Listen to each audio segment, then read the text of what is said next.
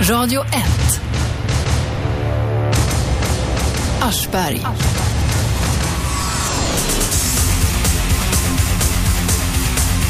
Vad som helst kan hända idag. Vi har nämligen författaren Björn Ranelid i studion och vi kommer diskutera veckan som varit. Vi kommer diskutera universums födelse och vi kommer ta upp stora existentiella livsfrågor. Dessutom kommer vi diskutera lyxbilar och böcker och författare och lite annat. Det går bra att ringa till oss på 0200 11 12 13. Ni kommer rakt ut i etern. Detta är 101,9 Radio 1, Sveriges nya pratradio. Jag heter Aschberg och sänder varje vardag eh, 10 till 12 på förmiddagarna och i repris 20 till 22.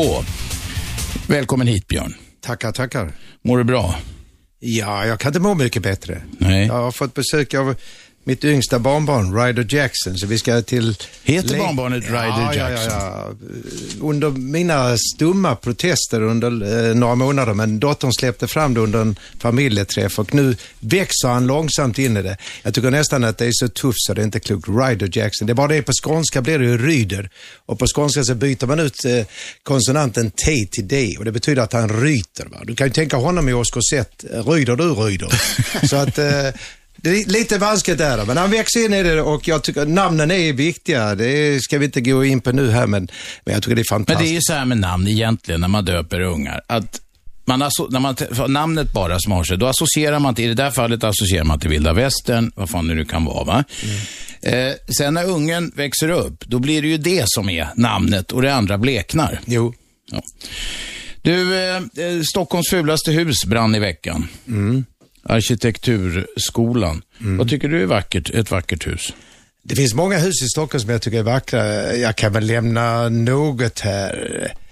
Eh, Jag brukar faktiskt ta fram, och det är inte många som eh, förväntar sig att jag ska säga det, men jag säger Ferdinand Bobergs eh, Nordiska kompaniet på Hamngatan. Men han gjorde ju så mycket till Stockholm. Han gjorde gasverket, han gjorde eh, vattentornet på Mosebacke, han gjorde Tilska. Eh, främst eh, arkitekten vi har haft i Stockholm. Dessutom så tecknade han allting själv på den tiden. Det var innan eh, de grafiska slingorna kom till på datorerna. Och de hade inte CAD och sånt där som Nej, det nej, nej, nej, herregud. Han var en gudabenådad arkitekt. Han slutade i den stund han fick veta att han inte fick påbörja eh, Nobelmuseet vid fästet utav Djurgårdsbron.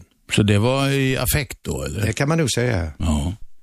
Vad gillar du den där arkitekturskolan då? Det är, Ja, alltså, alltså, att, det- att ett sånt hus får kallas Stockholms fulaste, år ut, år in, decennier har, har det gått. Och till slut blir det ju något annat. Jo, jo. Alltså en del hus har jag konverterat till min, eh, vad ska vi kalla det för, estetiska kammare. Jag tyckte till exempel huset som ligger på eh, Slussen där Garbergs reklamfirma finns var fult. Men sen Vilken, kommer- vilken kåk är det? Ja, det är den där du kommer ner mot Stadsgården till, alltså mot Kat- eh, precis efter Katarinavägen. Och när du tittar ska du se på långt håll på kvällarna, framförallt på vintern när det är mörkt. Då ser du att det ser ut som ett skepp som har lagt till. Så att jag är inte sådär riktigt kritisk längre mot det. Jag har varit det tidigare. Däremot har jag engagerat mig hårt i, i Slussen därför att där ska inte finnas några höghus som skymmer sikten mot Riddarfjärden, framförallt mot Saltsjön. Och dessutom, Stockholm behöver inte en enda galleria till. Och betänker du att Strandvägen, paradgatan nummer ett i Stockholm, Som var en Potemkin-kuliss när det byggdes. Ja, ja, men glöm inte, där finns inte ett enda snabbköp. Inte en enda Nej, nej. eh, galleria. Och det är ju naturligtvis klassbundet. Alltså, det är ju- Överklassen slipper sånt där Ja, skräp, ja, ja, men det är, ingen, det är ingen som pratar riktigt högt om detta, varför det är sådär. Du har en slags klassbundenhet i, i estetiken och det har ju också att göra med att de som har makten över hur Stockholm ska se ut och städerna ser ut, de, de vet ju dessutom om att, att de bestämmer i stort sett eh, hur eh, estetiken ska vara. Du får inte glömma att när det gäller hus så ärver kommande generationer fulheten och hur det ser ut. Ja, inte- och skönheten, Ja, i den mån det är ett vackert hus. Ja. Man kan säga en del om det här huset vi sitter i nu, skrytbygget nedanför SÖS. Men jag tycker det är snyggt. Jag tycker också att det är ganska Absolut. snyggt. Det är ett skrytbygge, men det är snyggt. Ja, Vad ja, jag ja. inte gillar är den här Fort Knox-grejen, när man måste gå som... Eh, det finns en symbolik i såna här svängdörrar som man måste ha kort med, som alla små kuggar vandrar ut och in. Det är maktspråk. Ja, men det är som när jag säger när jag ska tanka när jag kör runt i Sverige, att eh, de potentiellt kriminella och faktiskt kriminella har makten över eh, postväsende, bankväsende och institutioner, ambassader och flygplatser. Vad sa du? Potentiellt kriminella? Ja, det är det. Så en att del av dem är det ju. Ja, ja men de, jag säger det potentiellt och faktiskt. Alltså de, de, de, de förutsätter till exempel att, att människor kan eh, fuska och stjäla bensin. Det innebär att de laglydiga får underordna sig eh, det här tyranniet. Att du ska visa eh, koder överallt. Och, och detta brukar jag tala med de här kvinnorna som står där sent på kvällarna. Att det är en skam att de ska behöva sitta bakom glas och, och lås för att det finns kanske en promille som är kriminella. Ja, det är faktiskt en skam. Det är svårt att göra något åt. Och det är, de enda som göds då, det är säkerhetsbolag och, och vaktfirmor och eh,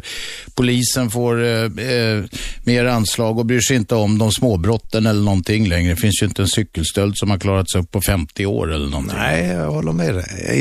I det fallet är jag faktiskt kategoriskt obarmhärtig. Jag har ju sagt att vi besiktar bilar, vi tvättar bilar, vi vaxar bilar, men när spolade du barnen med språk sedan om att inga våldtäkter på jorden ska någonsin kunna försonas med, eh, förlikas med eller förlåtas i den betydelsen att män som älskar kvinnor slår inte kvinnor, köper inte kvinnor, ägnar sig inte åt sexualitet med barn, slår inte gamla människor, rånar inte gamla människor och startar inte krig. Alltså hela världen skulle förändras i ett slag utan att det kostar en krona. Därför att det är så att ingen våldtäkt på jorden har någonsin handlat om, om kärlek, sinnlighet, erotik eller... Nej, det är eller- klart det inte har. Men du vet att män, män som inte har den inställningen till, till brott, det vill säga de som är hårda, de borde ställas upp som en röst och en man och säga att det här accepterar inte vi som en del av manssläkten. För det, och det är en del av mä- mänskligheten, för det är en skam för hela mänskligheten. Är du feminist? Jag är feminist i den betydelsen att jag, att, att jag är den enda i, i Sverige eller världen som faktiskt har skrivit en bok som heter Kvinnan det första könet. Jag är i alla fall feminist i den betydelsen att jag vet om att kvinnor rent vetenskapligt empiriskt sett ytterst sällan initierar krig. Dessutom är det kvinnorna som bär framtiden inom sig. Jag har ju liknat barnen vid en pil som skjuts mot framtiden. Men du, det har funnits matriarkat. Ja, ja, det har. Västafrika, Ja, några andra absolut, jag ställen jag matriarkat där kvinnoherrer gick ja, i strid. Ja, ja, ja, ja, jag är väl inläst på detta. Men icke desto mindre så är det så att historiskt sett och vetenskapligt sett så är det långt färre kvinnor som initierar krigen. Ja, ja, Dessutom har kvinnor ett annat förhållande till, till barnen än vad många män Men är du sån där biologist, feminist eller vad det heter Nej, då? nej, nej, alltså? nej, Du tror att absolut. kvinnorna är godare än nej, männen? Nej, nej, absolut inte. Det är det du antyder när du säger att de Ja, inte jag startar antyder- krig. Jag kan säga att det som har visat sig genom historien är att män har ett mer aggressivt beteende. Om du, om du tar olika fenomen inom samhället. När jag har följt fotboll sedan jag var sex år gammal så ser du Åh, aldrig- vad tråkigt. Ja, ja, men du ser aldrig en kvinna på läktarna som står och skriker, gormar eller, eller bråkar eller slåss. Nej, nej. Nej. Och, och det är så roligt därför att tala, vi behöver inte prata om fotboll, men vi kan tänka på att den mest, den mest aggressiva sporten som finns på jorden, nämligen boxningen. Har du aldrig varit med om en huli- huligan eller något sånt? Nej, det finns inga huliganer Det där. är Det gör underbart det att kunna säga. Ja. Även om det kanske i perioder har varit en del gangster som opererat i de miljöerna. Jo, jo, jo. Du, apropå kriminalitet och gangsters. I, I veckan så sköts någon gangsterledare i huvudet av vad som verkar vara någon inhyrd, eh, alltså någon lejd torped, möjligen eh, utifrån kommande och sen sticker det så det går till, eh, läser man i tidningen i alla fall. Och sen så säger kungen, kungen i Polen på besök att Stig Larssons böcker, de har inte med verkligheten att göra. Idag har Aftonbladet en lång lista om att det är värre på gatorna än det är i Stig Larssons böcker. Eh, nu gör kungen en, en liten frivolt och tar tillbaks, eh, eller säger att det var felciterat av polska journalister och så vidare. Jag kan säga så här, det är ju märkligt att under de år jag har följt kungahusets offentliga framträdanden och ord eh, så har kungen aldrig någonsin uttalat sig om en bok. Men han gör det i detta fallet med en bok som många förväntas ha läst. Tänk om jag någonsin hade hört kungen tala om Thomas Tranström eller en kvalitetsförfattare som skriver bort om den redan intecknade deckarvärlden. Men eh, det kan vi prata mer om en annan gång. Men han pratade ju, han hade ju till och med presskonferens om en bok, den där som handlar om hans eget liv. ja, ja, men det är en annan sak. Fast då hade han inte läst den. Nej, det, det var för att det kom så nära honom så det någonsin gick. Nej, han vände blad som Ja, det heter. Så var det. Ring oss på 0200 11 12 13. Frågan är fri idag. Vi har eh, eh, Björn Ranelid här så att det kommer inte bli några pinsamma pauser. Han kan snacka, den killen. 0200 11 12 13. Eh, Osama bin Laden knäppte amerikanerna i veckan också. Mm. Alltså om du hade gjort en sannolikhetskalkyl, sannolikheten oscillerar mellan 0 och 1 eftersom jag har undervisat i matematik och induktion i, i filosofi så... Vänta, jag... matematik och induktion? Ja, alltså det, är, det finns matematisk induktion. Om du talar om sannolikheten för att detta skulle inträffa, att USA lyckas efter 10 år, mm. att med en kommandostyrka, en, en, en räd, dels lokalisera honom och sen skjuta honom ja. under de betingelserna att det är 200-300 meter till pakistanska militärhögkvarter ja. och säkerhetstjänster, så skulle jag säga att sannolikheten är noll. Ja. Icke desto mindre skedde det. Det betyder, för att tala än en gång om, om detektivromaner, att det mesta som skrivs i den fiktiva världen, det vill säga den skönlitterära världen, det är alltid en slags blek kopia av det som redan... Ja, ja, verkligheten är alltid ja, bättre än dikten, som det heter. Vem är med på telefon? Hej, Niklas Sundin heter jag. Kom igen Niklas. Jag har en fråga till er som jag resonerade med min fru i morse. Ja. Det var intressant att få er syn på det. Hur man ska publicera de här bilderna på bin Laden. Den, den eh, bortgångna, de som togs in i hans fort. Ja, ja, som, som Obama eh, eh, säger är för grisiga eller hur han uttryckte det. Precis. Ja, vad säger du Björn? Alltså han har ju sagt och motiverat och rättfärdat, eller försökt rättfärda med att inte visa dem, att säga att i så fall skulle det kunna bli att, att det blir en slags trofé och en, en ikon och en stigmatisering för det här grymma våldet. Det sägs ju att man kunde se hjärnan, eller kan se hjärnan på de här bilderna och att man skjuter dem bland annat över ena ögat den risken finns ju alltid, men å andra sidan så är det så att eh, i den stund Omerma och den andra ledningen där i, i, i federationen väljer att inte visa bilderna så kommer det alltid finnas ett antal människor som misstänkliggör eh, och tvivlar på huruvida det verkligen är bin Laden eller inte. Å andra sidan, jag vet inte, det här blir någon slags eh, jättefråga eh, som är en skitfråga i det stora egentligen. Men samtidigt så minns ju du, eh, Niklas och Björn, att alldeles omedelbart efter att det här hade skett att nyheten kom om det så gick det ut en bild som publicerades på en del ställen jo. och i en del tidningar som var en ren fejk. En gammal bild på någon som såg väldigt död och misshandlad mm. ut. Så att eh, för de här konspiratörerna är det förmodligen inget bevis heller. Konspirationsteorierna de växer som, eh, ja det går 13 på dussinet så fort det händer något sånt här. Och där hjälper ju de till i den amerikanska administrationen genom att sköta det här delvis taffligt. Jo, du får inte glömma bort att de, det mest spektakulära dessförinnan som har hänt i mänsklighetens historia när det gäller bilder och eh, televiserade verkligheter, det är ju nämligen 69 och eh, eh, bestigningen av månen och första människan som sätter Ja, ja, det finns ju en miljon det, människor som tror att det är fejk som säger att detta har hänt, trots att det sändes i TV. Ja. Så att du har en, en lika och korrelat till detta Niklas, blev du klokare? Nej.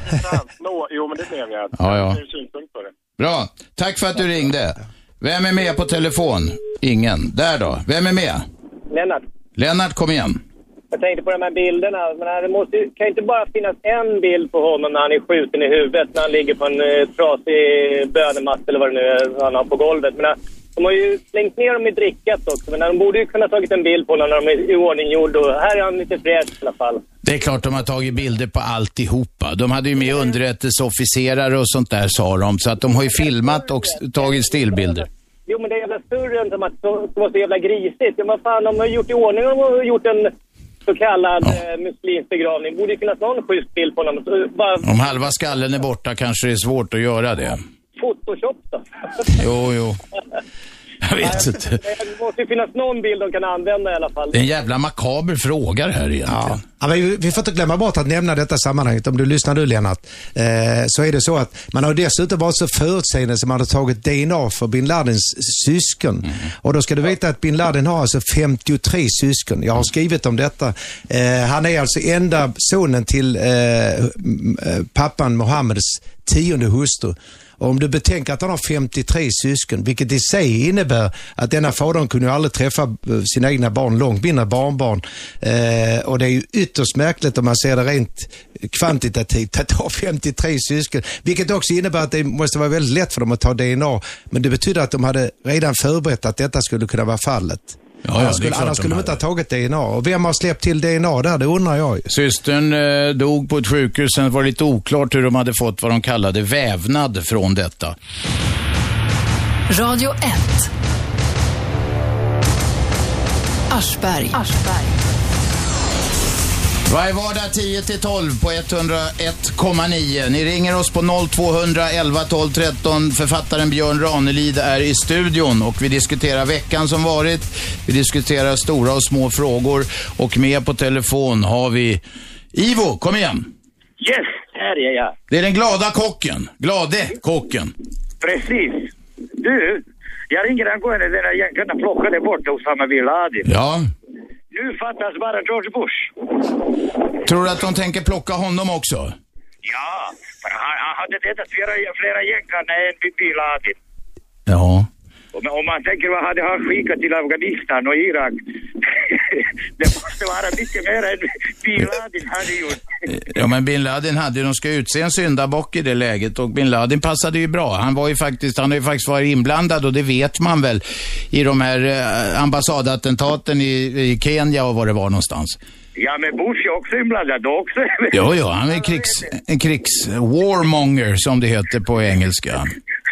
Så då borde man plocka honom också. Fy fan vad väldigt skulle vara skönt då. Du får tipsa de här Navy Seals eller vad de heter om detta, Ivo. Jag vet en speciell styrka deras. Ja, ta den där jävla Texasgubben. Var det, var det inte så han sa, eh, ministern där? Som... Du, Ivo, hör du mig Ivo? Ja. Ja, jag ska berätta för dig, för det tror jag inte du vet om. Under de två perioder som eh, George W. Bush eh, satt som eh, eh, högsta politiska ledare i, i Texas, eh, så lät han avrätta, 50, han skrev under 52 dödsdomar. Och nu är det så att hans broder på andra sidan andra kusten där försöker överträffa honom. Alltså 52 dödsdomar.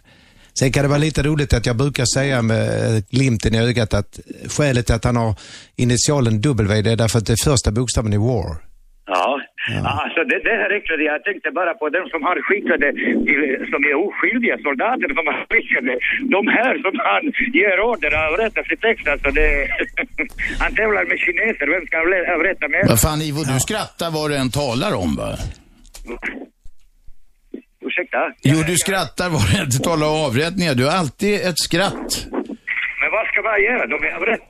Nej, nej, jag vet att Mikis Theodorakis sa en gång vid demonstrationer de hade mot fascistjuntan och eh, det kom militärer och började skjuta på dem så skrek han dansa grabbar. Ja, ja. Så det är Mm. Det är bra att du är glad Ivo. Det är härligt. Ivo, vad har du på menyn idag? Jag har eh, eh, eh, vad heter halstrad med eh, paprikakräm och, och eh, potatismos. Ja. Oh. Sen har jag pleskavica, wienerschnitzel. Sen har jag eh, flygande Jakob Vad är flygande Jakob? Det har jag glömt. och sen ox. Ivo, Ivo, Ivo. Vad är flygande Jakob? Jag har glömt det. Är det något med banan och det? Det är kycklingbanan, ja. Ja, det är Kyckling, banan, är inte det lite 70-tal, Ivo? Ja, men det finns folk som gillar den. Ja, ja, allting går runt. Det man blandar, så, så, så det finns för alla. Vi har äldre publik, vi har yngre. Så det finns, några, det finns 30 rätter att välja emellan. Så Ja, det är bra. Ja. Kom förbi så får du testa den. ja, jag får göra det någon gång, Ivo. Okej. Ha det så bra. Hej. Tack Hej, för att du ringde. Hej. Ni andra kan ringa oss. Björn Ranelid är i studion. Detta är Radio 1, 101,9 Sveriges nya pratradio. Ni ringer på 0200 11 12 13. Du hade skrivit något om eh, Osama. Ja, alltså, eh, Som ska komma i Dagens Arbete. Ja, Vågar du avslöja det? Ja, Har den gått i alltså tryck? jag kan väl säga en av vinklarna är ju, det är rätt spännande faktiskt om du hade, om vi tittar, vi bryr oss inte nu om om du är troende eller inte. Vi kan ju tala om Jesus som en historisk person. Nej, be inte om Nej, men alltså, Säg som okej, det. Vi säger som det är då. Då är det så här, vad skulle bli fallet om du skulle ställt frågan till Jesus idag om eh, huruvida eh, man skulle utkräva hämnd? Så blodig hämnd. Och skulle man ställa samma fråga till Mohammed som var en krigare och köpman med eh, 10-11 hustrur. Eh, den frågan är ju enormt spännande. Jag avslutar med att skriva att... Vad kommer du fram till? Ja, jag kom fram till att Jesus hade nu förespråkat att vända andra kinden till. Mm. Eh, medan eh, Mohammed hade avkrävt eller utkrävt eh, blodig hämnd.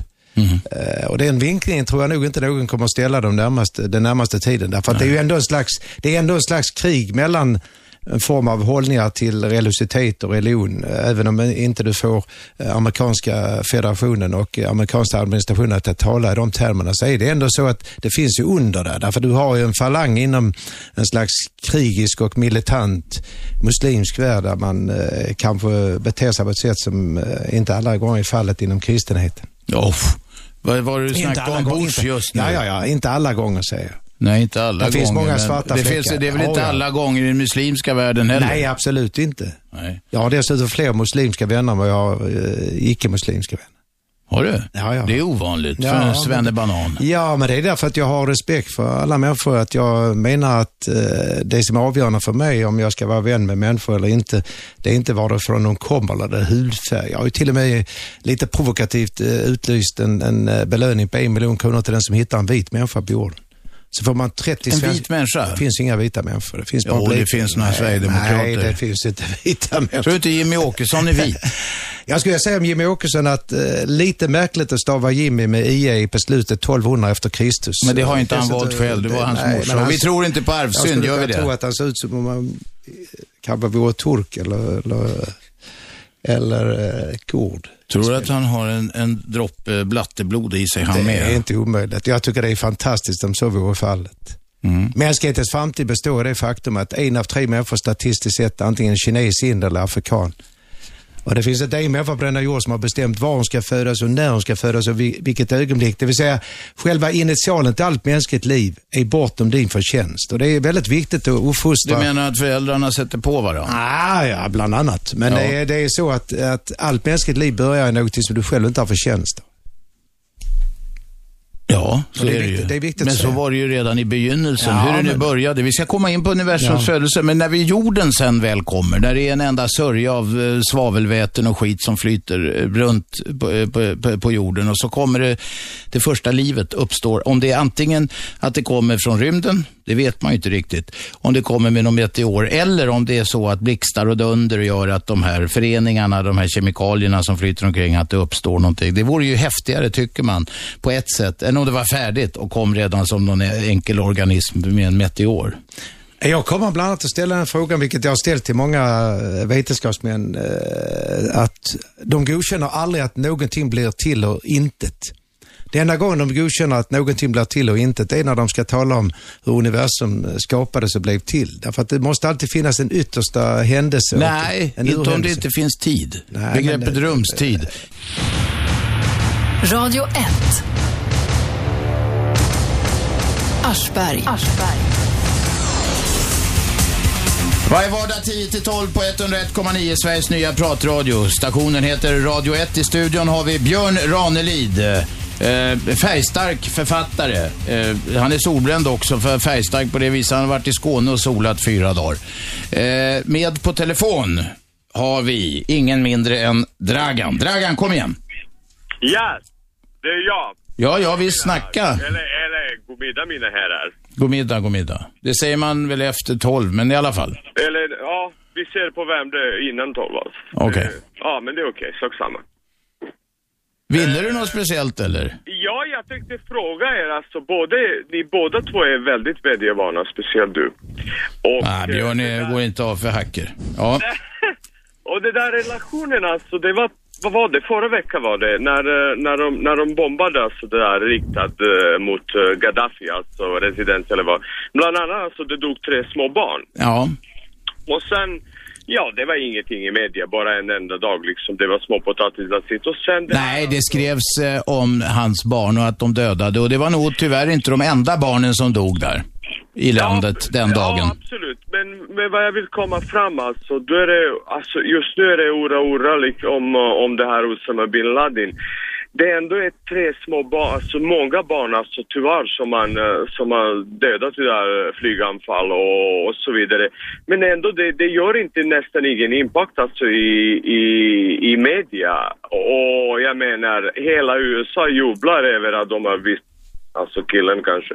Ja, men det är väl bra att vi, det är väl bra att vi är av med honom. Eh, eh, eh, hatets inspiratör nummer ett. Självklart, men jag menar det där alltså hur, hur media liksom täcker där hela, alltså det hela tiden alltså, då folk är där i där förbannade Libyen. Och, eh, ja, kan ni förklara för mig lite grann där? Nej, men, jag, jag, jag förstår inte frågan. Gör du det, Björn? Jag förstår att du blir bestört när oskyldiga barn släpper livet till eh, och det har du alldeles rätt i. Eh, det- Vi har en benägenhet att vinkla verkligheten och framförallt kan väl dölja en del obehagliga verkligheter och det har du alldeles rätt i också.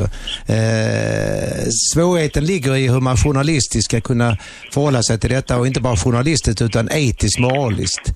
För det är klart att man ska säga att eh, barn miste livet här, men då tänker man att man eh, rättfärdigar detta med, med eh, målet. Alltså, eh, målet rättfärdigar medlen.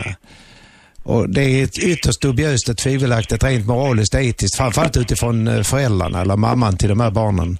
Eh, men icke desto mindre så menar jag ändå att eh, det är svårt att lösa det här. Man måste ändå se till vad som var huvudsaken. Huvudsaken var att oskadliggöra bin Laden. Ja, nu snackade, nu snackade Dragan eh, mer om Libyen va? Jo. Men det är ju det är ju liknande problemställning även där. Ja, det är ju ändå så att eh, tj- mellan 12 och 26 barn har mist sin pappa. Eh, bin Laden har mellan 12 och 26 barn. Man kan inte fastställa, eh, han har i alla fall 53 syskon. Jag tror att 52 är livet. Men resten, hans 53 eller 52 syskon, de har ju tagit avstånd från honom för Jo, länge sedan. jo. För de blir det väl en lättnad. Det kan bli business, bättre business nu. Det är en stor affärsfamilj. Du, Dragan, har du radion på eller? Mm, nej. Nej, jag tycker det ekar konstigt.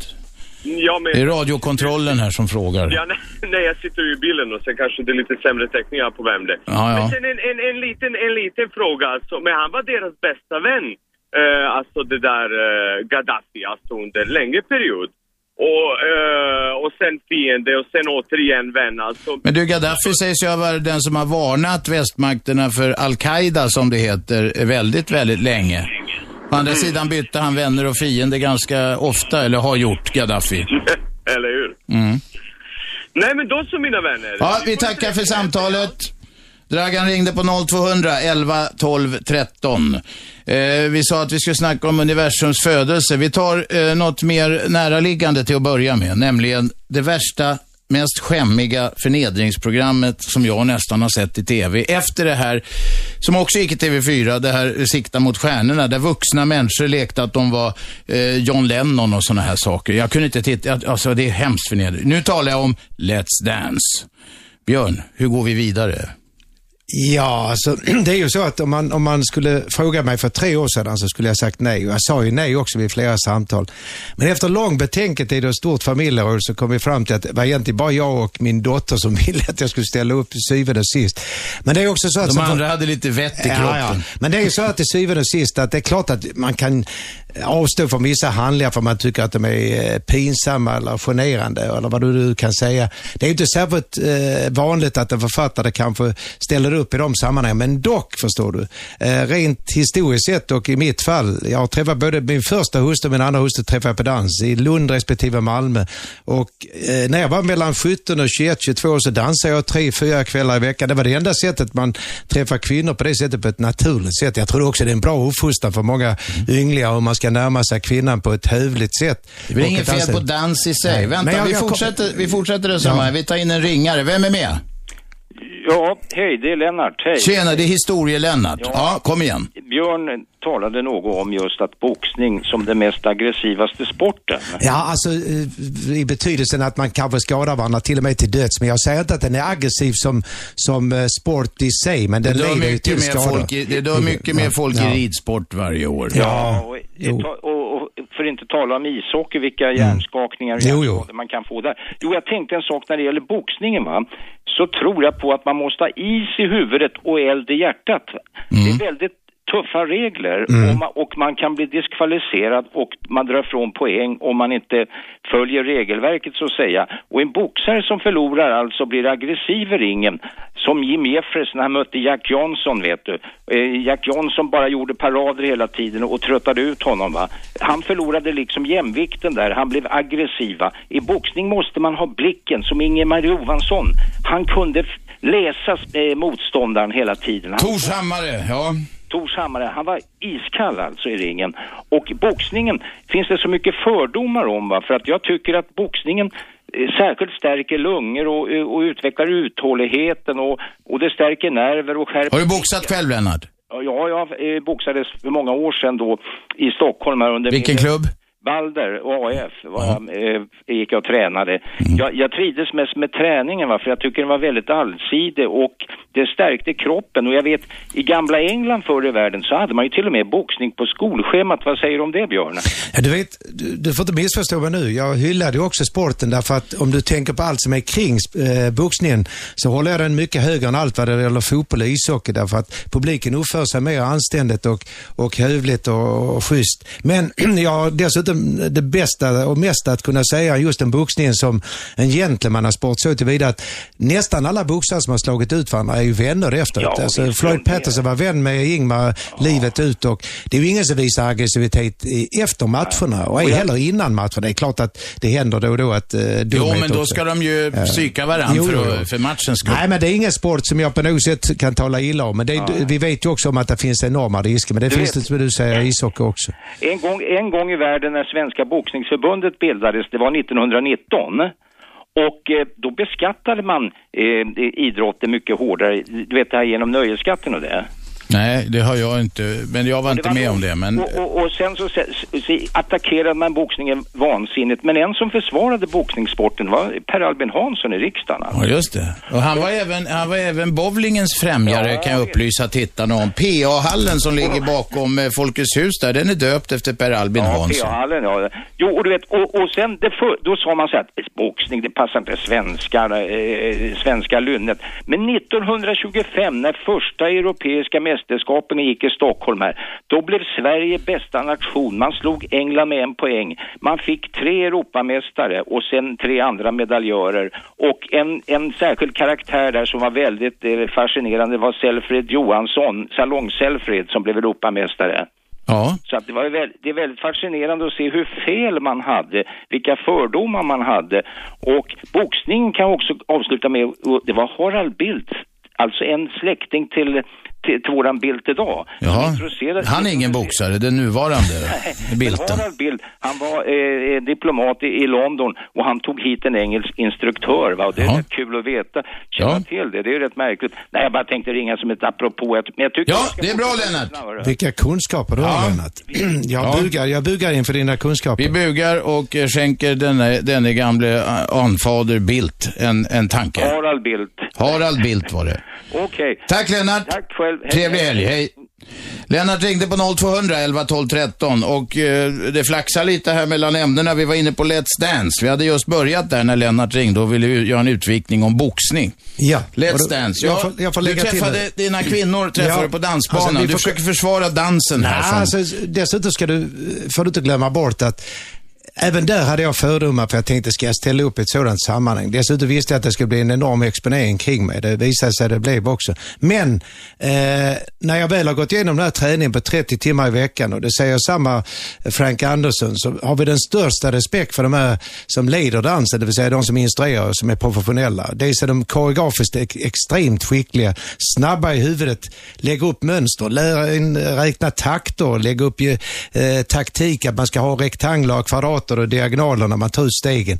Dessutom är det så att eh, dans och musik är världens största folkrörelse.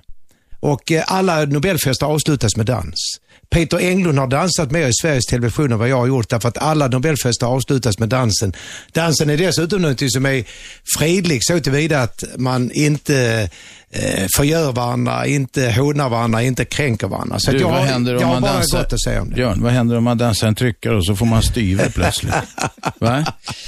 Det ingår det också du. Ja. Vi har en ringare med. Vem är där? Jag heter Kent. Kent, kom igen. Skruva ner radion och kom igen. Ja, jag ska gå ut och stänga dörren. Mm. Jo, jag tänkte på Ranelid. Han sa det här om att han skulle ge pengar om man hittade nå- någon vit människa. Jaha.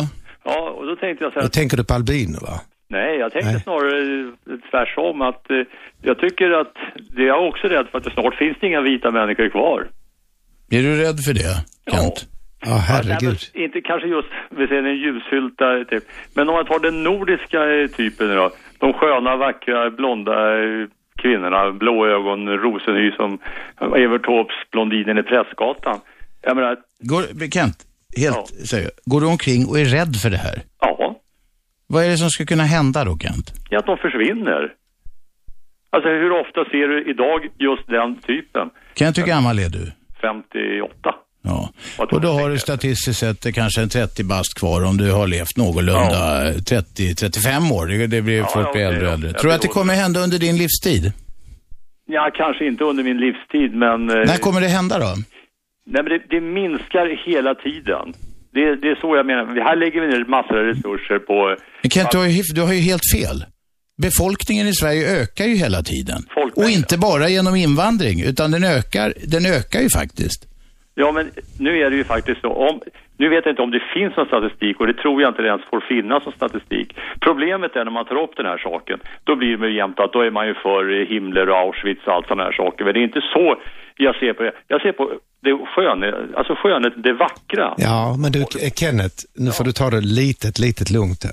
Medan det finns inga eh, vackra, eh, mörka, svarta kvinnor. Men vi, vi kan Jo, börja nu. men- Om du, inte, om du inte är religiös och inte tror på skapelseberättelsen enligt Genesis, det vill säga första Mosebok, så är det ju ändå så att kanske mänsklighetens vagga stod ju i, i östra Afrika. Ja, jag har hört Eh, och det, det betyder alltså att... Eh, Ja, men det där är ju bara en teori. Nej, men eh, jag menar det sägs och det kan Ganska man kan ju- trovärdig teori som Ja. är be, befäst med, med DNA och sånt där. Dessutom kan du... Det, du, kan, Du tror inte på det? Du tror att det var på Uppsala slätten? Nej, jag... Alltså, man behöver inte alltid hårdra det på så vis. Nej, men var tror du att människorna kom ifrån? Tror du att den här blonda skönheten som du snackar om, hon steg upp ur ett snäckskal? Ni hade en diskussion tidigare om Gud, var Gud kommer ifrån. Då ringde jag in också och frågade det. Jag tycker det är en meningsdiskussion för att det är ingen... När började tiden? Ja, det är ingen som kan svara på. Vid Big Bang kanske? Ja, Det var ju ett tag sedan. Vad fanns innan Big Bang då?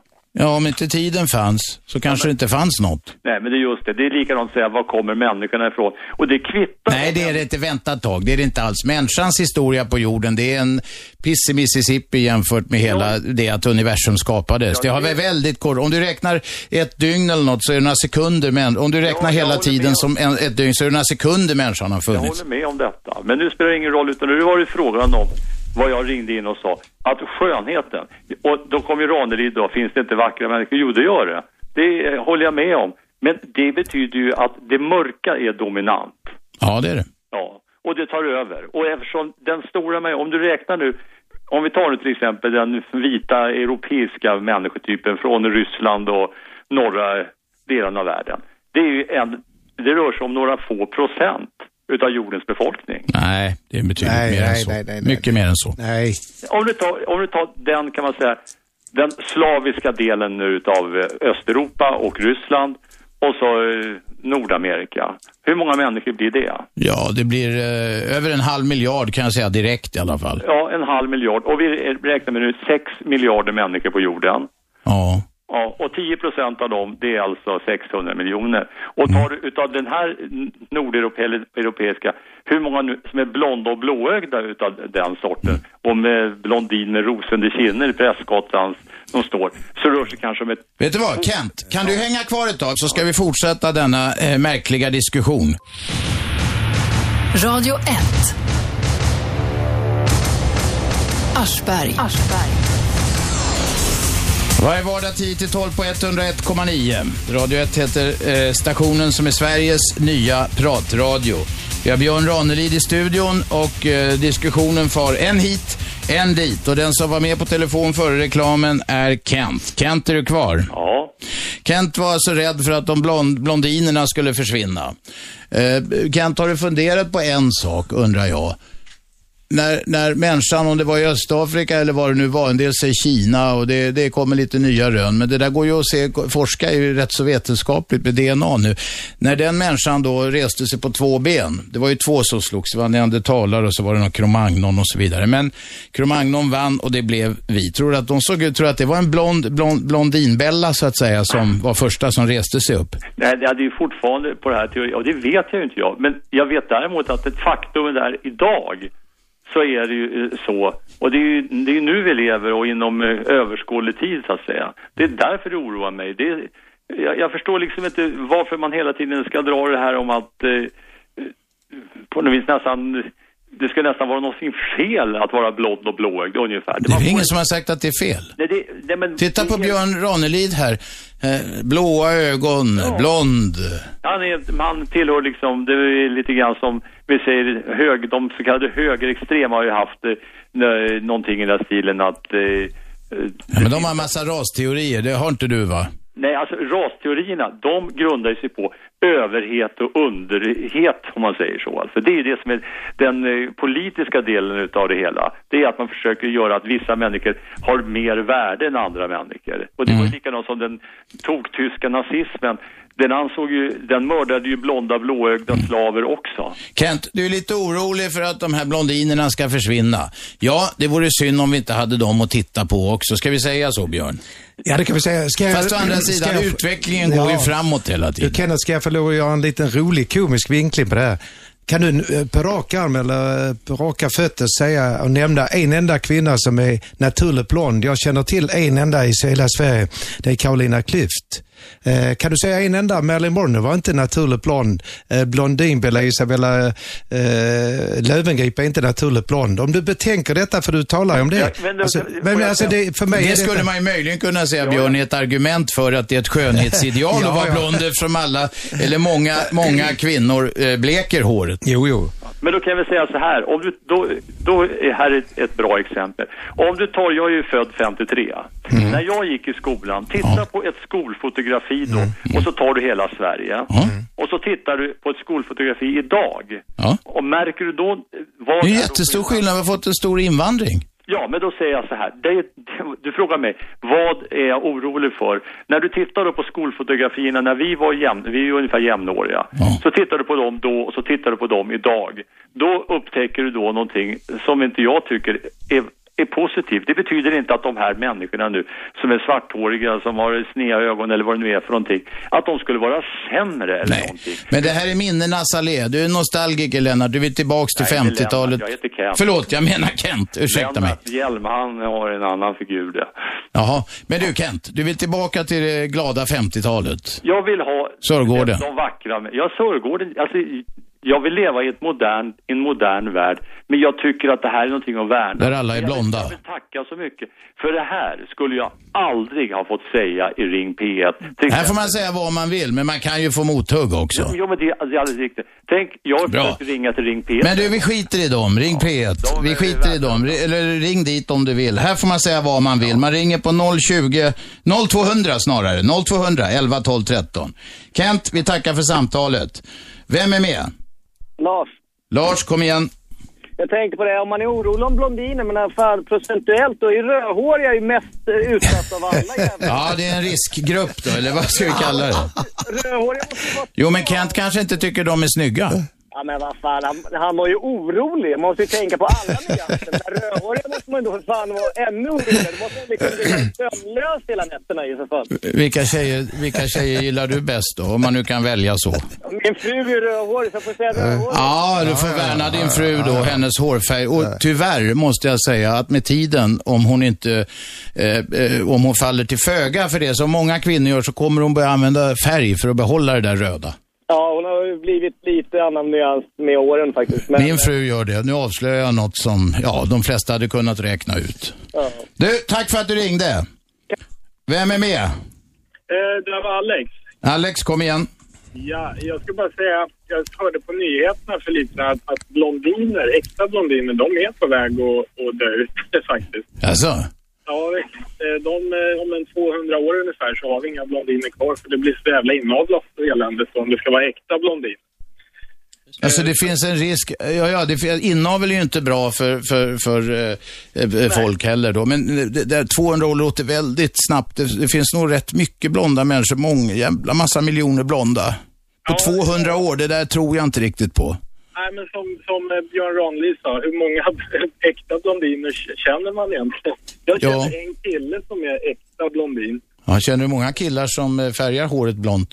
Ja, precis. Men det, ja, det, det vet jag inte i och för sig om. Det känner jag mig ingen. Men jag vet att han är äkta blondin. Men de är på väg eh, bort faktiskt. Okej, du hade hört på radion att om 200 år finns inga blondiner. Ja, det blir inget problem för mig och inte heller för Björn och knappast för dig. Nej. Nej. Bra, tack för samtalet. Vem är med? Ja, Urban. Urban, skruva ner radion och Det är snacka. sänkt, det är sänkt. Bra. Det, det här med, med, det får nog kolla lite vetenskapligt att blondiner kommer att försvinna som den andra killen sa. Mm. Då talar vi. Kom igen om du är vetenskapsman. det beror på att, stod det då, vet jag, att blondiner genetiskt sållas bort för att det är ett dåligt val i naturen. Och det har med eh, evolutionen att göra det där. Ja, men hur uppstod, då undrar jag hur de uppstod från början. Ja, vem, vem... Det var väl evolutionen som på något vis, om man uttrycker det så, skapade blondinerna en gång. Jo, men man gör ju fel även i naturen. Ja, evolutionen slår ju fel ibland. Nu vill inte jag gå så långt och säga, hallå, vi kan ju inte.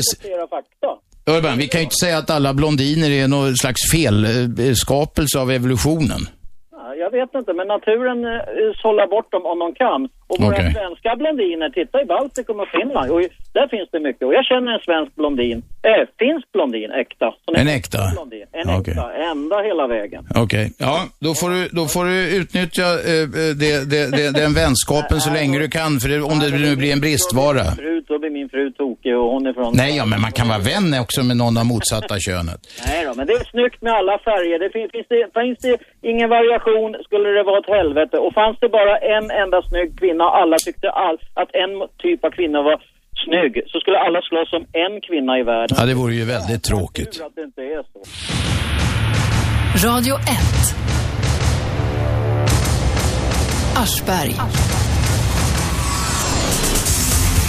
Varje vardag 10 till 12 på 101,9. Det är frekvensen, det stationen heter Radio 1. Det hörde ni alldeles nyss. I studion har vi Björn Ranelid, färgstark författare och vi diskuterar, det är fredag, det är uppsluppet, vi diskuterar de vitt mest mest vitt skilda ämnen som finns. Vi var inne på Let's Dance, vi har betat av Osama bin Laden, vi har talat om eh, Stig Larsson och gangsterledare och kungens uttalande. Vi har talat om branden i arkitektur, hög, eh, Arkitekthögskolan heter det väl.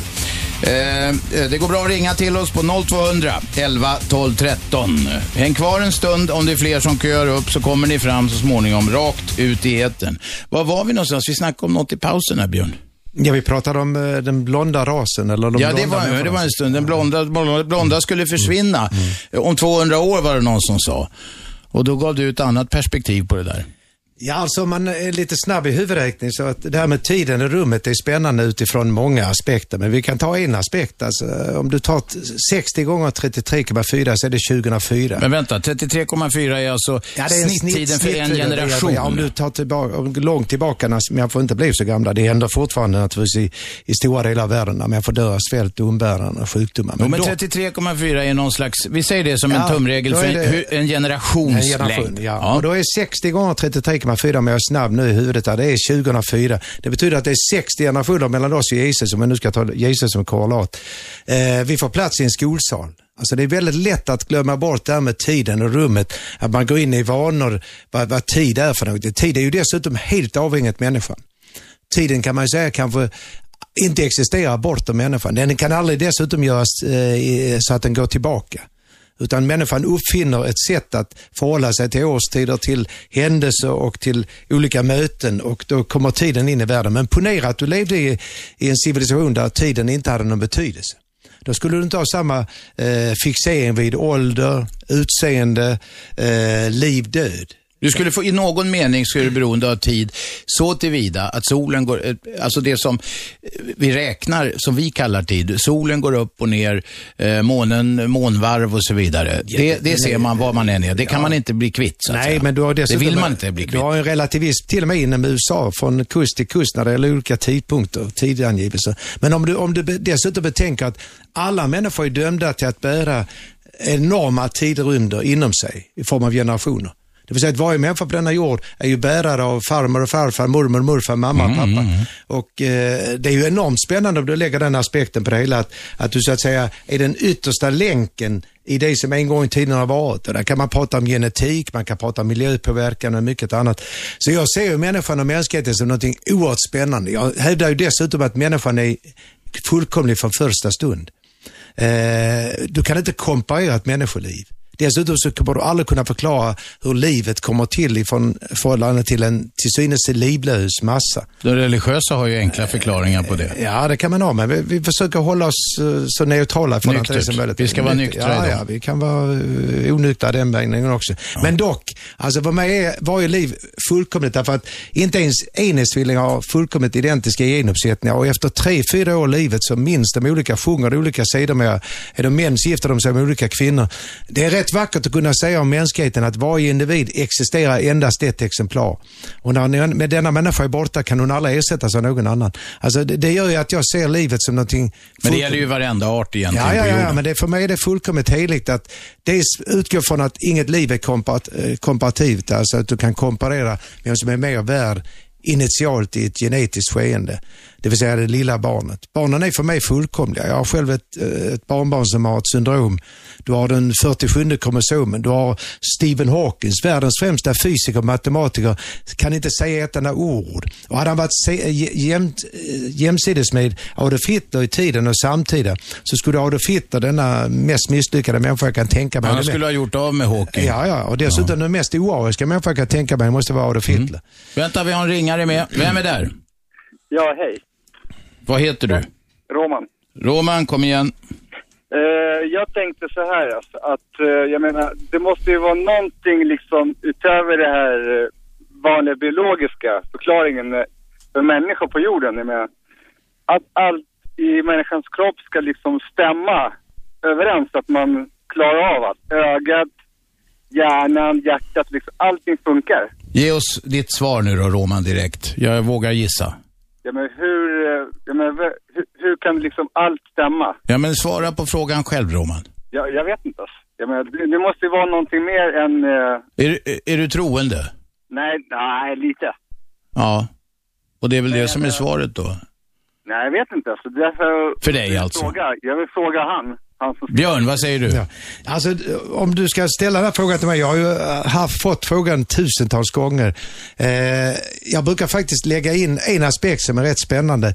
Ponera att du hade haft en liten annorlunda syresammansättning i luften du andas. Alla människor är beroende av detta. Och en litet annorlunda förhållande i avståndet mellan det vi kallar vår sol och, och mänskligheten. Så skulle inte människan vara möjlig som, som eh, fenomen och som varelser.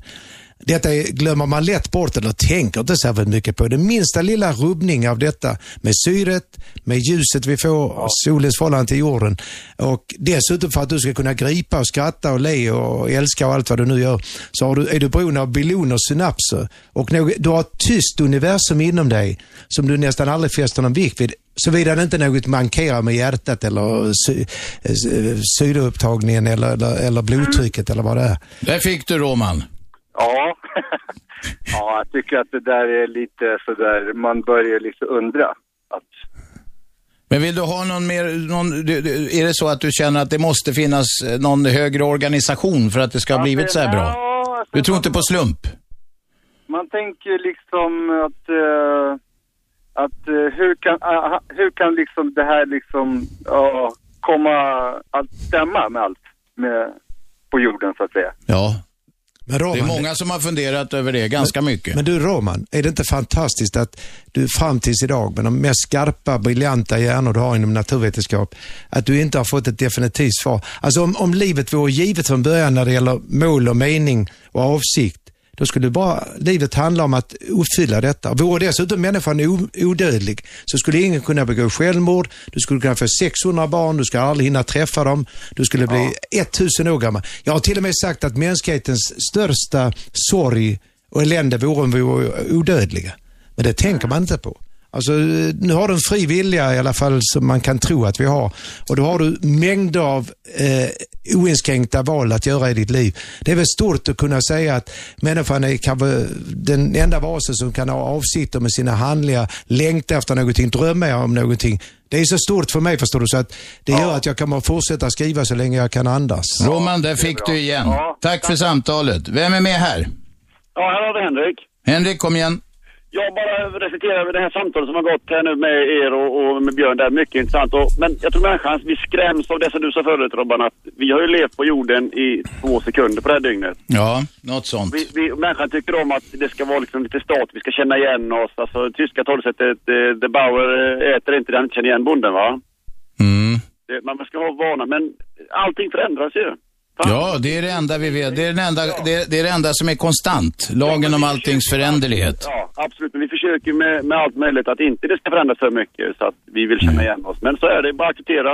Istiden kommer, istiden går. Ja, Så är det. ja, och människa, inte ens människan kommer att bestå. inte i tid och evighet. Och våra fina blondiner eller vad fan det nu är. Så, här, att, men det, det, så är det att acceptera. Men det är för stort för oss. jag. Ja, det är det. Det är tur det finns radio. Ja, exakt. Kör hårt Hurken. Ja, tack, tack för det. Du, vi snackade Ja. om tid förut och Ja. Hawking kom du in på. Ja.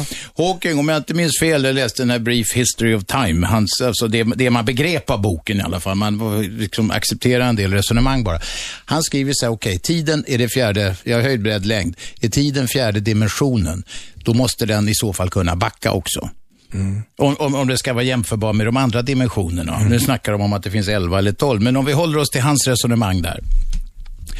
Då säger han så här, och det är ju rätt kul som vetenskapsman av hans eh, enorma, med hans enorma eh, potens när det gäller vetenskap säger, jo, men då skulle en, en kaffekopp i skärvor på golvet och en pöl med kaffe kunna binda ihop sig själv, fyllas med kaffe och hoppa upp på bordet. Och det säger han, det verkar för larvigt. Det kan inte stämma.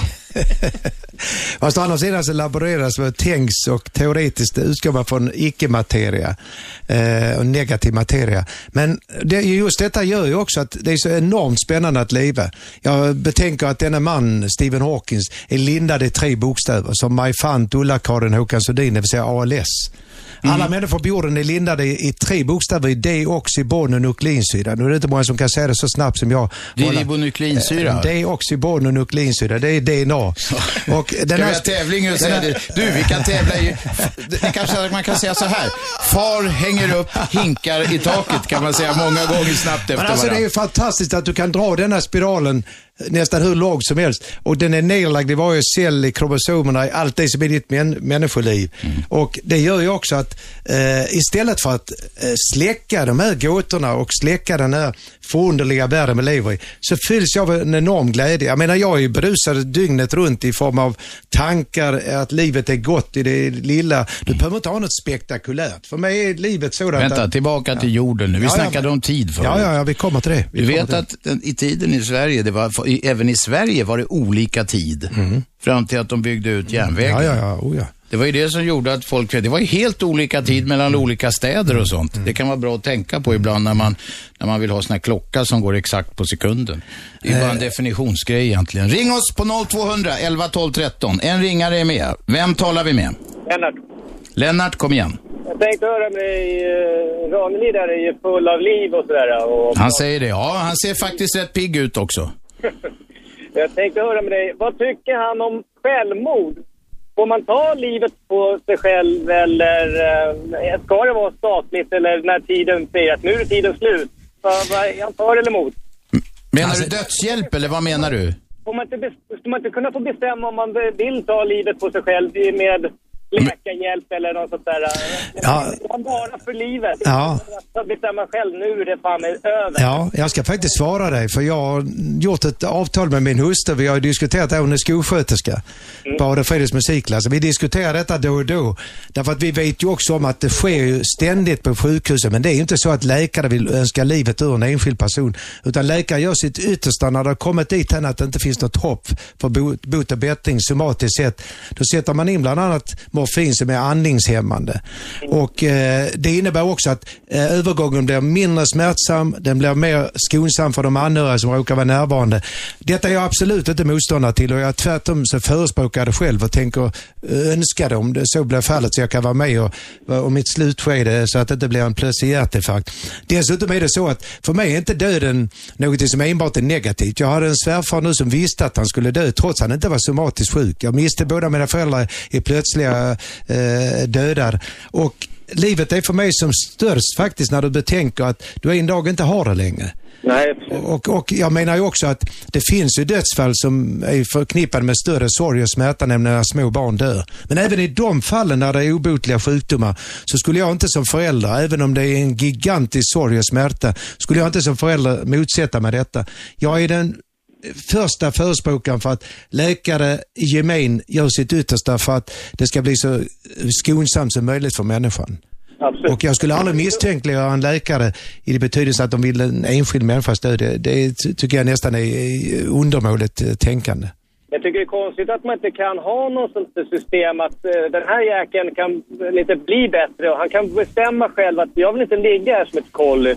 Att man är då fan som vuxen och är klar, någorlunda klar i kroppen. Ja, du, ja, men du ska, ja, men då kan du få höra exempel med, du kan få höra exempel med min svärfar Alf Nilsson. Jag säger namnet bara för att alla ska, jag har dessutom skrivit om honom. Eftersom både jag och Margareta hörde hans, eh, så att säga, beslut. Han var inte somatiskt sjuk, han hade ingen sjukdom som var livshotande. Han var 87 år. Han säger till läkarna, jag har levt färdigt, jag vill inte opereras, även om jag skulle kunna ge honom kanske ytterligare några månader i livet. Han ville alltså inte leva längre och det blev en oerhört vacker död så tillvida att eh, min, mina eh, släktingar och vänner som kände honom och träffat honom, mina barn och hans egna två döttrar, fann att detta var utmärkt. Det, jag, jag är, är den första att förespråka... Men det, det, det är faktiskt ett undantag. Ja, ja, men det finns ju många människor som säger att nu vill jag inte leva längre. Ja, ja. Å andra sidan så skulle jag också vilja säga att många dödsfall som är förknippade med självmord eh, tror jag faktiskt skulle kunna förhindras i vissa fall man har, som jag har läst om och hört talas om. Så måste jag säga att då måste faktiskt omgivningen göra sitt yttersta om det inte finns så att säga något annat än tro än att den den människan är inne i en djup depression. Då menar jag att man bör inte bejaka att släcka ett så ungt liv. Utan då ska man hjälpa till som anhörig och som, som närstående. Jag, Jo, men jag på alla de här som slänger sig framför tåget eller någonting. Stackars jävla tågchaufförer och sånt där. Absolut. Radio 1. Aschberg.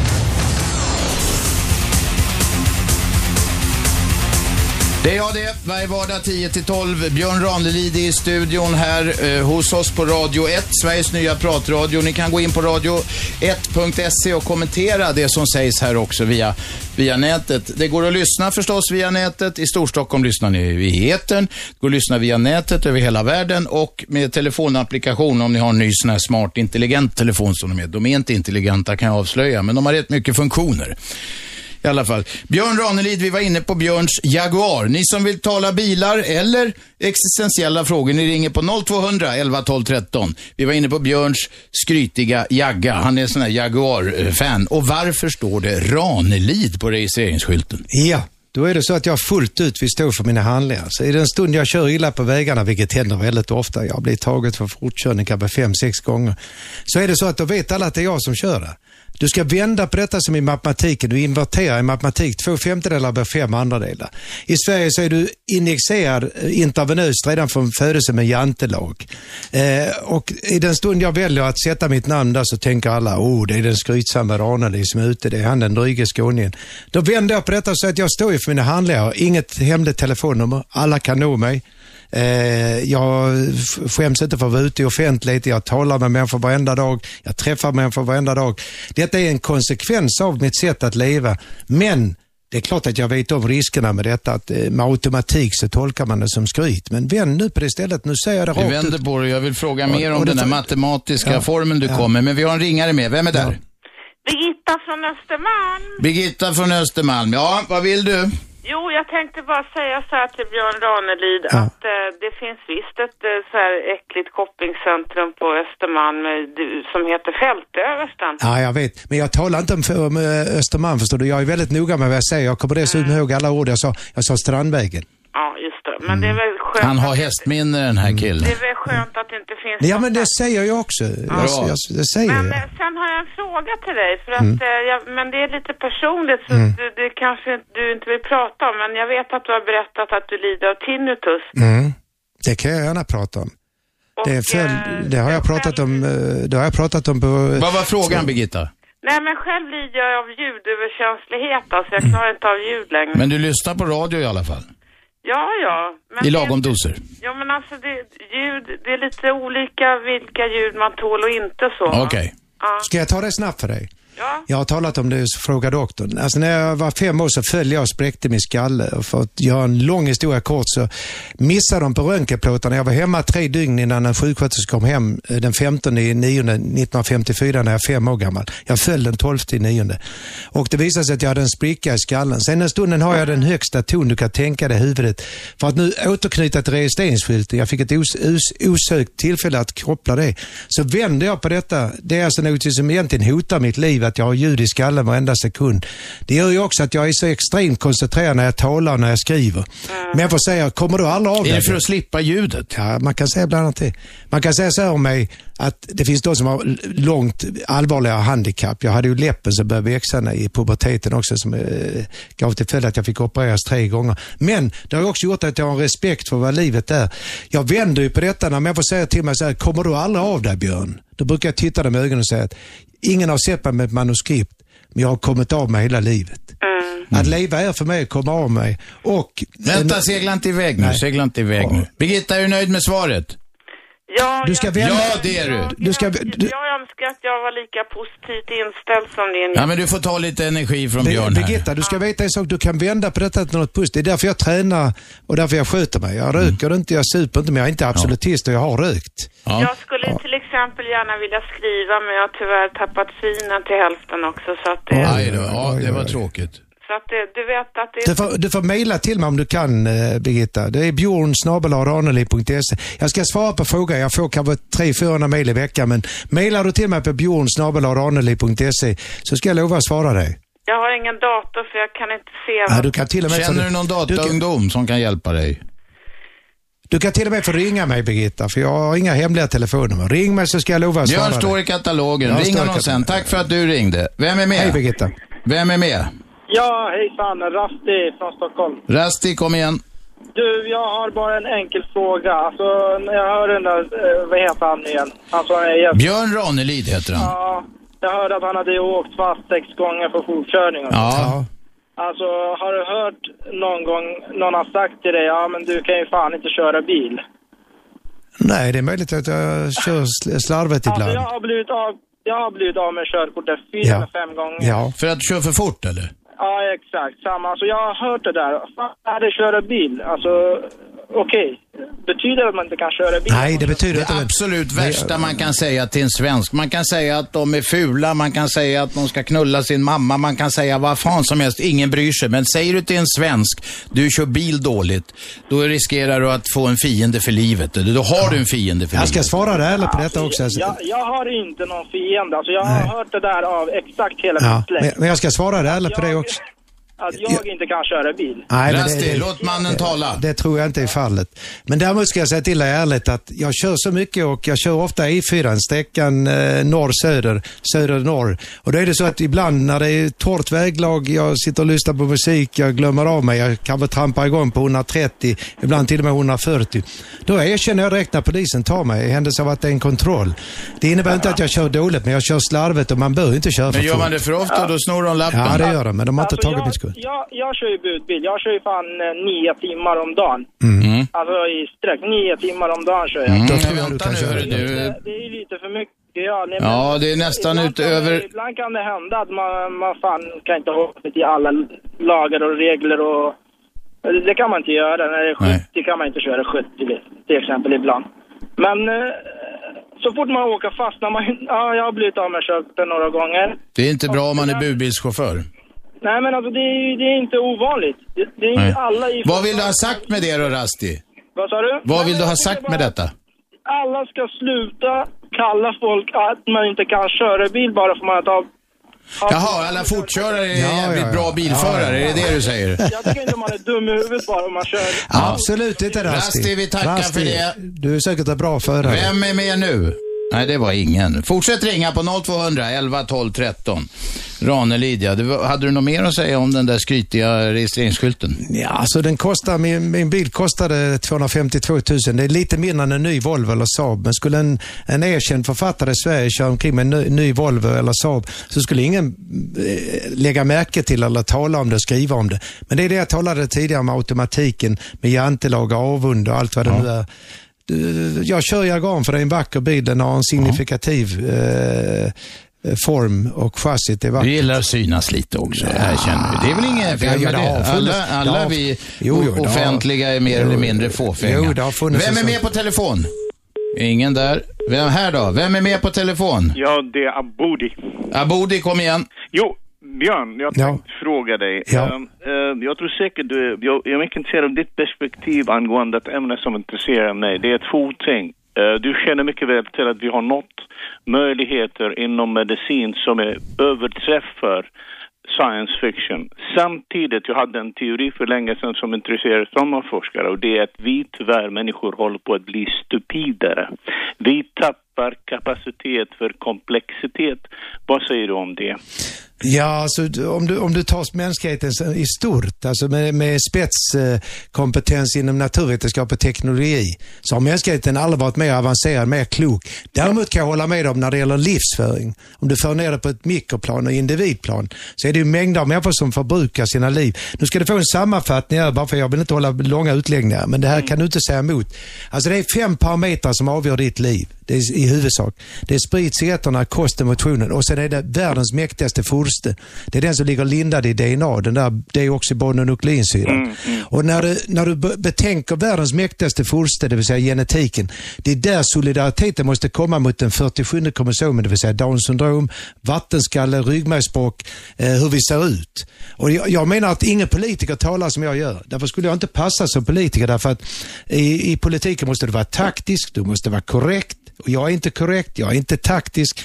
Min stora brist, eller kanske lilla fördel som människa, är att jag söker aldrig det taktiska eh, talesättet eller tänkesättet. Men jag upprepar, teknologiskt naturvetenskapligt har vi aldrig varit mer kunniga, eh, haft en större förmåga än vad vi har idag. Vi har tagit oss till månen. Vi kan eh, i många avseenden bota sjukdomar som vi dog av för bara 30-40 år sedan. Du har allt ifrån penicillin till, till cytostatika, strålning med mera. Men sen finns det fortfarande människor som tyvärr förbrukar sina liv på sådant som kanske inte är så klokt. Och då kan jag hålla med om att eh, människor som borde vara kloka 2011 beter sig mindre klokt än människor som kanske man tänker, är de verkligen så begåvade? Om du ser till allting som gäller för känslan och omsorgen och kärleken så har du ju alltid lärt dig till exempel av afrikanska stamtänkandet. Hur man förhåller sig till gamla människor, hur man förhåller sig till barnen. Respekt. Respekten alltså. Så att du ska, du ska försöka se det på det sättet. Men jag ger dig rätt i den betydelsen att det är förunderligt med de eh, kunskaper som vi har i stort, att så många människor lever destruktivt och dumdristigt. Men, men, men hur är detta med intelligens? Du kan känna till det här. En del inom forskning säger off the record, we should start weeding, alltså vi ska börja sålla bland människor i framtiden. Ja, det är ju absurt. Jag håller med dig, men vad, vad, vad anser du om ja, det? Alltså du, hade jag pratat med dem i tio minuter så hade de nog tappat andan. Eh, det finns människor som, inte, det? ja, det finns människor som inte kan säga vad 3 plus 5 är. Men de kan till exempel registrera 35 000 fönster, rätt perspektiv och dörrar när de åker upp i ett flygplan ovanför Londons innerstad. Memorera 30 000 musikstycken men kan inte läsa ja, noter. Ja, savant. Ja, ja, ja, savant. Mm. De har tagit bort idiot. Men då är det så att, att det där med intelligens, förstår du, det är något så oerhört komplext att om man kliniskt ser det utifrån att ha ett, ett eh, numeriskt, matematiskt eller spatialt eh, kunnande, det är något helt annat än hur du förhåller dig till din medmänniska. Du har ju, du har ju människor som är mästerliga känslomässigt sett och kärleksfullt mm. sett. Radio 1. Aschberg. Aschberg. Det är jag, det är varje vardag 10-12 på 101,9. Det är frekvensen för Sveriges nya pratradio. I studion har vi Björn Ranelid, färgstark författare. Vi diskuterar allt från existentiella frågor till något så tarvligt som eh, tv-programmet Let's Dance. Fast Björn, eh, han är lite ursäktad här nu för det visar sig att han är en dansör. Han har varit det sedan han var ungdom och ett sätt att träffa tjejer. Du var nykter dessutom på danserna va? Ja, jag hade enormt roligt alltså. Mm. alltså min, min ungdom och, och min fotbollskarriär och det jag har gjort sedan är i huvudsak eh, fylld av glädje. Sen är det tuffa tag, men det jag vill komma fram till det är också att människor glömmer lätt bort att eh, mänskligheten måste oupphörligt döma sig till att vara mer god än ond. Du ser nästan aldrig i nyhetsflödet eh, de tillfällen i världen när man skänker bort organ, eh, där människor hoppar i vatten för att rädda ett barn som håller på att drunkna, eh, där vi möter varandra med respekt och kanske ett visst mått av, ska vi säga, hövlighet och glädje och omsorg och vänskap. Mänskligheten måste ständigt döma sig själv till att vara mer god än ond. Jag har till och med skrivit en gång lite halvprovokativt att om kvinnan säger nej till mannens säd i 60 år räknat från idag, så dör hela mänskligheten ut. Det kan man tycka är en truism och det är en överloppsgärning att påstå det, men icke desto mindre är det fallet att i samma stund som vi talar nu så kysser människor varandra, ligger människor varandra och det föds barn. Och detta glömmer man lätt bort i det gigantiska obrutna flödet utav det destruktiva, det dekadenta och depraverade. Och jag ser inte livet på det sättet. Jag ser livet som en gåva i den betydelse att jag råkar vara relativt privilegierad just nu, men ständigt medveten om riskerna med att bli sjuk eller att drabbas av, av någonting som är allvarligt. Och det gör ju att jag, att jag har lagt en stämgaffel i mitt liv. Och det, då, jag, jag har många fel och brister, men jag försöker uppföra mig anständig med min medmänniska i den betydelsen att jag bemöter dem med respekt. Så länge de inte visar för mig att de inte förtjänar den respekten. Det är därför jag skiljer mellan praktisk etik och den retoriska etiken. Alltså människor får säga vad de vill om mig, men du kan inte beslå någon med att jag har gått ut och skrikit och gormat på någon människa eller klippt till någon människa. Eh, och jag anser att livet i huvudsak handlar om det som inte är mätbart och som inte kostar en krona. Jag menar kärleken, kärleken väger ingenting. Kärleken är mäktigare än allting. Jag har sagt att kärleken lutar en aning som gammaldags skrivstil på väg till graven. Kärleken stavar aldrig fel när den skriver, för den behärskar alla språk. Och att leva är att simma från stranden jag, till stranden du, i havet vi. Och världens längsta och kortaste resa är mellan ögat och hjärtat. Ty däremellan krävs det inget visum eller pass. Nu får de dem på engelska också, så har vi satt dem där. Ja, det är din nya bok. Är den ny? Den är Nej, ny, nej, nej, boken. nej. Nej, det är Nej. Det är aforismer. Ja, ja. Björn är inne på eh, eh, aforismer också. Har det är tre, korta, ja. korta visdomar, om någon inte visste vad aforismer är. Korta sanningar, korta visdomar, korta tänkuttryck kan man väl kalla det för. Mm. Elmer Diktonius var en av mina favoriter. Ja, ja, han är enormt duktig. Mm. Eh, jag har några fina böcker, faktiskt första utgåvor av honom som jag ärvt av min mor. Tack morsan för det. Inte ärvt, hon lever än, men fått av henne. I förskott kan man säga. Jaha, eh, vi eh, har diskuterat Let's Dance. Vi släpper det. Vi släpper det nu. Nu ska vi tala, eh, Björn, eh, som, vi tar ner det på jorden lite grann igen. Jaguar. Eh, Jaguaren, exakt. Bilen, skrytbilen, där det står, det är eh, eh, inte vanlig nummerskylt, utan där står det Ranelid. Och han ser rätt, jag har sett Björn köra i Stockholm, han ser jävligt nöjd ut bakom ratten på det där. Då, då tar vi det här en gång för alla och jag vill nu hålla mig till den hundraprocentiga sanningen. Så det blir ingen approximativ sanning utan det blir den definitiva. Under 12 års tid ägde jag ingen bil. Så när Margareta skulle ner till Skåne till sommarhuset så hyrde jag bil. När jag skulle ut och resa och framträda, vilket sker cirka 125 gånger per år, så åkte jag tåg, flyg eller hyrde bil. Eh, Ett år så sa August till mig, min yngste son, farsan du måste någon gång unna dig något själv. Ska vi inte åka in här på Autoklassica i Ystad? Då gjorde vi det. Jag fick låna en bil. Eh, Jag hade den i två timmar. Det var en Jaguar, en 97, en Sovereign. Efter det så har jag ägt tre Jaguarer och jag har Jaguaren för det är den vackraste bilen du kan ha. Det är den enda bilen förutom, eh, ska vi säga Bentley Rolls Royce som har behållit sin karaktär i Ja, chassit. ja. En engelsk bil som går sönder hela Nej, tiden. den går aldrig sönder. Jag har haft tre stycken, jag har aldrig haft någon... Ja, men du byter väl då? Du köper det är en ny bil och så kör- byter du efter ett par kör- år. Ja, men det är för att jag kör 7-8 tusen mil om året. Min gode vän Gert Fylking hade en gammal jagga och det var ett elände. Ja, men det, ska du ta upp ett sådant, nu är du sådan som alla andra är. Du Negativ, negativa. negativ. Men du, man blir lätt negativ. Man ska åka till Skåne till exempel, som du ska. Och så rasar bilen när man har kommit en tredje. Blir man negativ. Ja, men det händer inte mig. Vem är med på telefon? Hallå? Nej, det var ingen. 0211 12 13. Häng kvar en stund när ni ringer. Ibland blinkar hela panelen här och ibland folk ger upp lite för lätt. Ska vi ta någonting om varför jag har namnet Vem är med på telefon? Ja, får, jag tänkte sätta lite eld i debatten. Ja. Är det Lennart igen? Ja, får jag, åter, får jag, får jag vara med? Historie-Lennart. Ja, kort Lennart. Ja, jo, ni talade ju tidigare här, Björn talade om, eh, bland annat, eh, kom in på ämnet feminism. Ja. Och eh, jag tänkte på det här med feminism och demoralisering. Jag håller på att studera romersk historia, va? antikens historia. Ja, dra inte hela den nu bara Lennart. Och då ska jag fatta mig kort. Alltså allting går i cirklar, allting upprepas, återupprepas på något vis. För om man tar dagens värld så påminner mycket om det som händer i världen, det som hände under romartiden. Ta Förenta Staterna och USA exempelvis. De har sina allierade, sina hjälptrupper, precis som gamla Rom. De resonerar taktiskt och, eh, vad ska man säga, filosofiskt ungefär på den nivån som skedde då. Ja, och du menar att det ska sluta på samma sätt, att det imploderar då?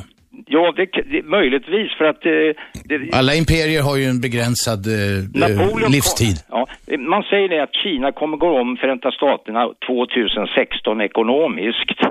det, det sannspår man och det sannspådde Napoleon för flera hundra år sedan att när Kina vaknade, det var som en elefant som ligger i en göl och andas genom ett sugrör. När elefanten reser sig, då skak, kommer hela världen att skaka. Och Vad, är- vad, vad är det du vill ha sagt? Kan vi komma till slutsatser eller frågor, Lennart? Jo, det här stridigheterna då som Fi och andra feminister håller på med, det, det, gjorde, det fanns redan under antiken. Det dem- demoraliserade samhället. Kvinnorna skulle bli som män, de skulle kläda sig som män, de skulle vara med på arenan. Men vänta, tycker du att jämställdhet är demoraliserande? Nej, nej, men det går till överdrifter alltså. Det blir en slags... Det ska inte vara riktigt jämställt menar du? Nej, Det ska det vara går- nästan, eller? Det blir allas krig mot alla, va? Bellum omnium kontra omnes. Ja, ja, ja. Och det, det är det som är så tråkigt, va? att inte människan kan ha den insikten om att man måste ha en toleransnivå och möta varandra i dialog, va? som Björn säger. Lennart, vi, det var ett snyggt avslut. Ja, tack så du ha. Tack, hej. Radio 1. Aschberg. Slutspurt i dagens program med Björn Ranelid, färgstark författare som är så behängd med priser att han börjar likna en julgran. Eh, Det skulle göra om han hade alla priser på sig.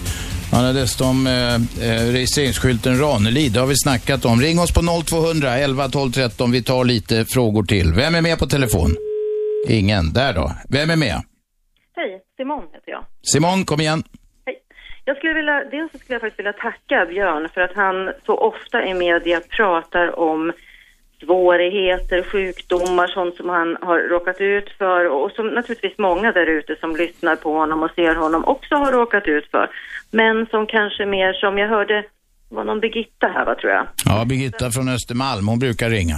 Hon lät lite ledsen och sa att hon ville så gärna, hade så gärna velat skriva. Men hon hade nu tyvärr också börjat förlora syn. Och då skulle jag gärna vilja komma och berätta någonting lite mer kanske i Björns stil. Jag är blind sedan 12 år tillbaka. Har tappat syn successivt under 20 år ungefär.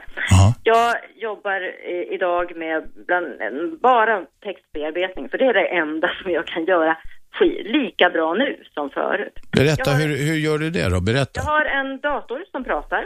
Jaha. Jag har inga som helst begränsningar på internet. Jag kan MSN, jag kan eh, smsa med min iPhone. Jag tror jag har berättat det någon gång förut att jag har en, en iPhone, men då sa jag ingenting om att jag är blind.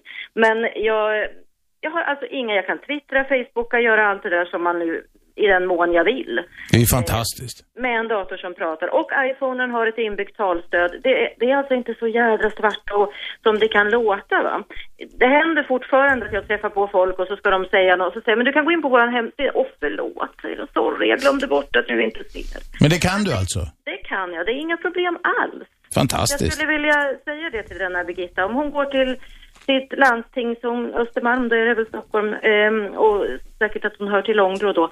Syncentralen heter det och då kan hon få hjälp med hjälpmedel som gör att hon kan hantera en dator fast hon i stort sett om hon nu skulle komma så långt som jag att inte se någonting alls. Bra tips.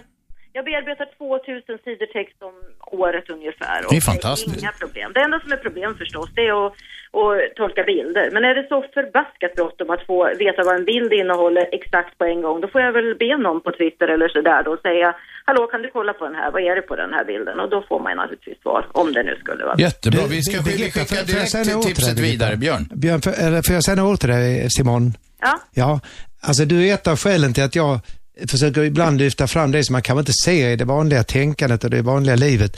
Därför att du ger ju styrka till andra människor i den stund du visar på vad man kan åstadkomma trots ett sådant allvarligt handikapp som att mista synen.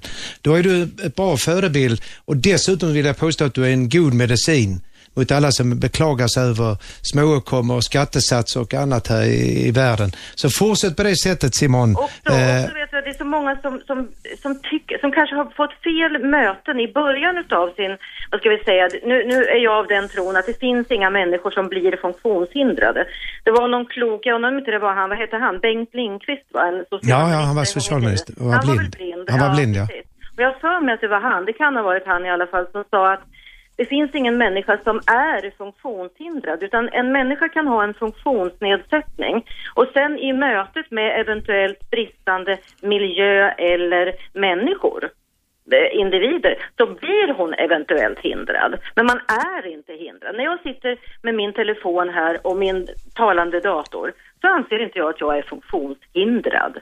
Ja, men det är gott Simon. Det Jag var har därför... ju anpassat det liksom. Jag har ju gjort... Men du har just berättat att du inte är, att det fungerar på alla möjliga sätt. Ja, Det var alltså, väldigt jag- roligt att höra. Det är, liksom, det, är ing, det är inget problem. Men man kanske man kan ha otur. I början när man drabbas av någon funktionsnedsättning så kan man träffa negativa människor. Och är man inte då stark liksom i sin, sin, eh, vad ska vi säga, i sig själv så kan det nog gå väldigt snett tror jag om man får för sig att det går inte längre och det här går inte. Jag träffar på jättemånga människor som har varit blinda mycket längre än jag men som säger att jag kommer aldrig kunna bli utbildad och jag kommer inte.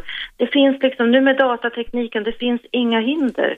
Det går jättebra. Ja, där- därför tog jag fram Stephen Hawking. Så jag brukar lyfta fram Thomas Tranström, en av världens främsta poeter som efter sin stroke inte kan säga man kan vara tre, fyra år. Men icke desto mindre så släcker han, han släcker protokoll för landsting, kommun och riksdag på fem sekunder.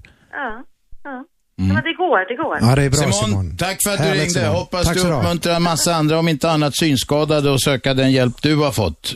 Ja, Och- det, det, det finns ju eh, möjligheter om man, man går till eh, Mm. rätt instanser. Och så lite glatt humör behövs också. För Man det- måste stå på, man måste stå på sig också. Ja. Ja, det måste man. måste vilja, man måste vara i början, liksom, i ursprunget måste man vara glad åt livet liksom. Annars är det klart att det blir Mm. tungt. Tack för att du ringde. Okej. Hej. Ja, vi måste börja knyta ihop säcken. Vi har bara ett par minuter kvar här. Vad ska du göra i helgen? Eh, I helgen ska jag eh, gå gå på Gröna Lund med eh, Ryder Jackson, mitt yngsta barnbarn, min fru och min dotter som har kommit upp här. Och det är stort för mig. Jag tycker det ska bli enormt roligt. Jag ska ut och leka med Ryder Jackson om cirka en timme. Eh, livet ska vara på det sättet. Det ska spänna från att du kan skriva en bok om Jussi Björling, men du ska också kunna skriva en bok om Tony Torso och om fotboll. Eh, det är ingen som bestämmer över mig vad jag ska skriva om. Jussi Björling eh, är en av de främsta sångarna genom The tiderna. greatest of all times. Yes. Och då är det så att han började sin karriär innan han var fem år gammal och debuterade i Trefaldighetskyrkan i Örebro när han var fem år. Miste sina föräldrar när han var fem respektive femton. Pappan drog iväg med tre söner till USA och mest emancipatoriska föräldrar jag varit med om, på den tiden i alla fall, uppfostra fyra barn efter det att hustrun dog. Så han hade Kalle, Olle, Gösta och Jussi som hette faktiskt Johan Jonathan. Då skulle jag vilja avsluta med en, en enorm risk. Så vi sätter punkt nu genom att jag rakt ut i eterna visslar ett eh, stycke med Chegelida Mannina. Okej. Du backar lite från micken och börjar om.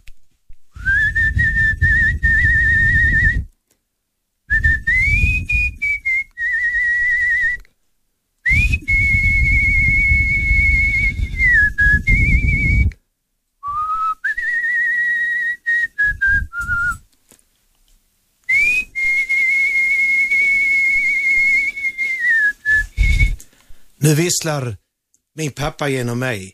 Nu står han vid sitt staffli och blundar på ett öga. Mina söndagar doftar av fransk terpentin och Massettis ögonkaka. Mina sista ord till er blir att varje gång du ser ett barn så ska du plocka röda rosor. De är i perenner, de står i ett drivhus. Du ska vårda dem, du ska ansa dem, du ska vattna dem. Det är dina generationer bakåt. Mormor och morfar, farmor och farfar och mamma och pappa. Därför är varje barn heligt för mig på denna jord. De är soldater i världens största armé. De har ett enda vapen och det är hjärtat.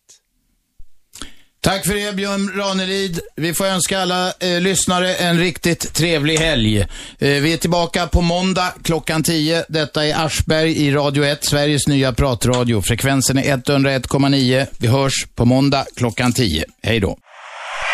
101,9 Radio 1. Sveriges nya pratradio.